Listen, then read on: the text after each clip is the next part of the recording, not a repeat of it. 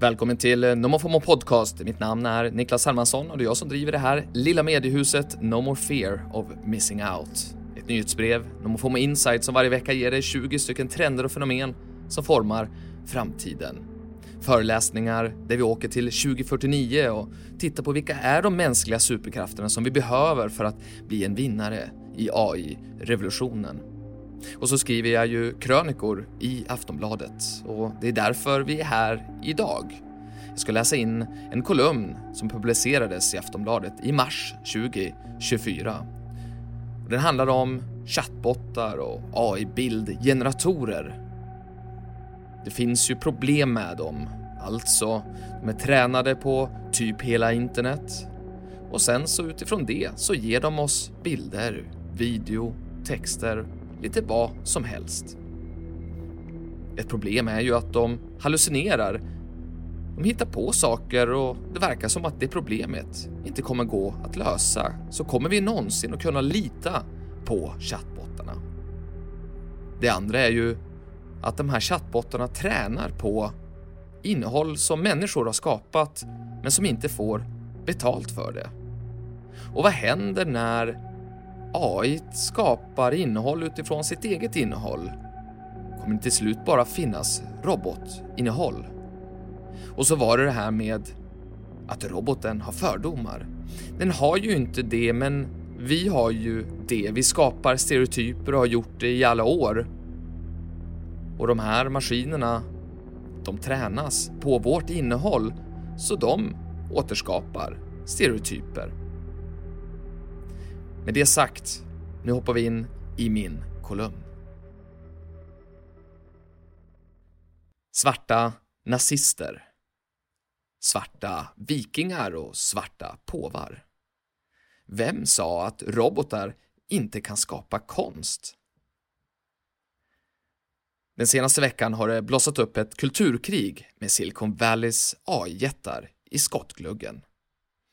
Detta efter att Google gjort sin nya AI-modell Gemini lite väl politiskt korrekt. Vilket snabbt avslöjades av de nyfikna internetdetektiverna. I rädsla för att cementera stereotyper som att alla brandmän är vita och alla städare är svarta så satte utvecklarna dubbla hängslen och livremmar på sin nya supermaskin som spottar ur sig bilder och texter på din befallning. Enkelt sagt kan man säga att tanken var god, men klumpigt utförd. När Gemini väl sjösattes gjorde bildgeneratorn allt i sin makt för att inte slentrian välja vita män, oavsett vad användaren bad om. Därför blev nazister, vikingar och forntida romare mörkhyade, medan påven fick bli en svart kvinna.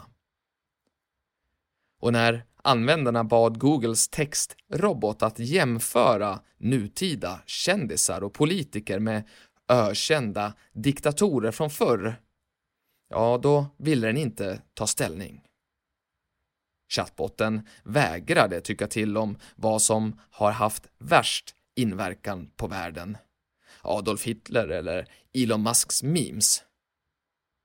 Detsamma gällde den klassiska kampen mellan Josef Stalin och Ulf Kristersson. Det är omöjligt att ge ett enkelt och objektivt svar på frågan om vem som är ansvarig för flest dödsfall, Ulf Kristersson eller Josef Stalin. Så svarade Gemini när den svenske forskaren Amir Sarislan satte chattbotten på prov. Till och med när någon bad om att få förslag på hur man kan marknadsföra kött så vägrade vegetarianen Gemini att hjälpa till. Exemplen på supermaskinens politiska korrekthet har fyllt de sociala medierna de senaste dagarna.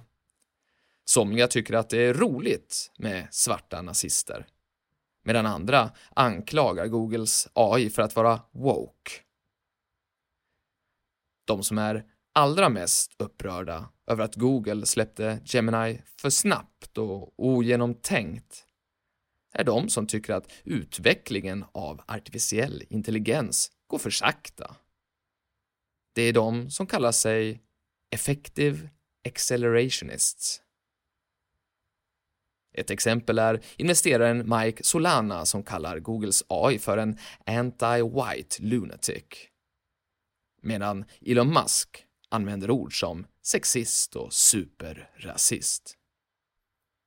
Faktum är att Googles PK-miss är en innehållsguldgruva för Elon Musk och hans högergrabbar eftersom det stärker deras narrativ om att Google är vänstervridet. Till och med den reserverade tech-analytikern Ben Thompson, som vanligtvis håller sig till gemener, krävde Google-VDn Sundar Pichais avgång. Pichai har bett om ursäkt, men det stoppade inte blodbadet på börsen när moderbolaget Alphabet noterades för årets näst sämsta dag och tappade över 70 miljarder dollar i marknadsvärde över en natt. Men ingen borde vara förvånad över den här cirkusen. För drygt två år sedan valde Google att bortprioritera en AI-chatbot som två av företagets utvecklare hade byggt.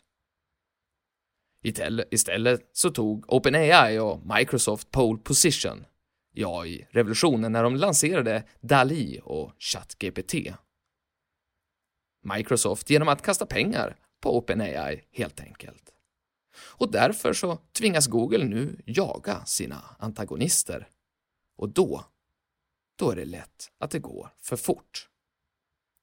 Men det finns en sak med den här soppan som förvånar mig. Och det är att Googles AI-bildgenerator faktiskt lyckades skapa konst som fick alla att känna någonting. Offensive to all, comforting to none, som artisten Grimes skrev. Hon har rätt. Gemini-cirkusen är performancekonst på högsta nivå. Konst ska utmana publiken och leda till diskussion Just nu så pratar och skriver världens alla medier, eller åtminstone västvärldens medier, om den här soppan. Frågan är hur många mänskliga fotografer och konstnärer som har lyckats uppröra världen lika mycket som Gemini det senaste året. Kommer du på en enda? Och nej, du får inte fråga Gemini. Tack för att du lyssnade. Ifall du gillar den här podden får du gärna ge den ett betyg på Spotify. Så hörs vi snart Yeah.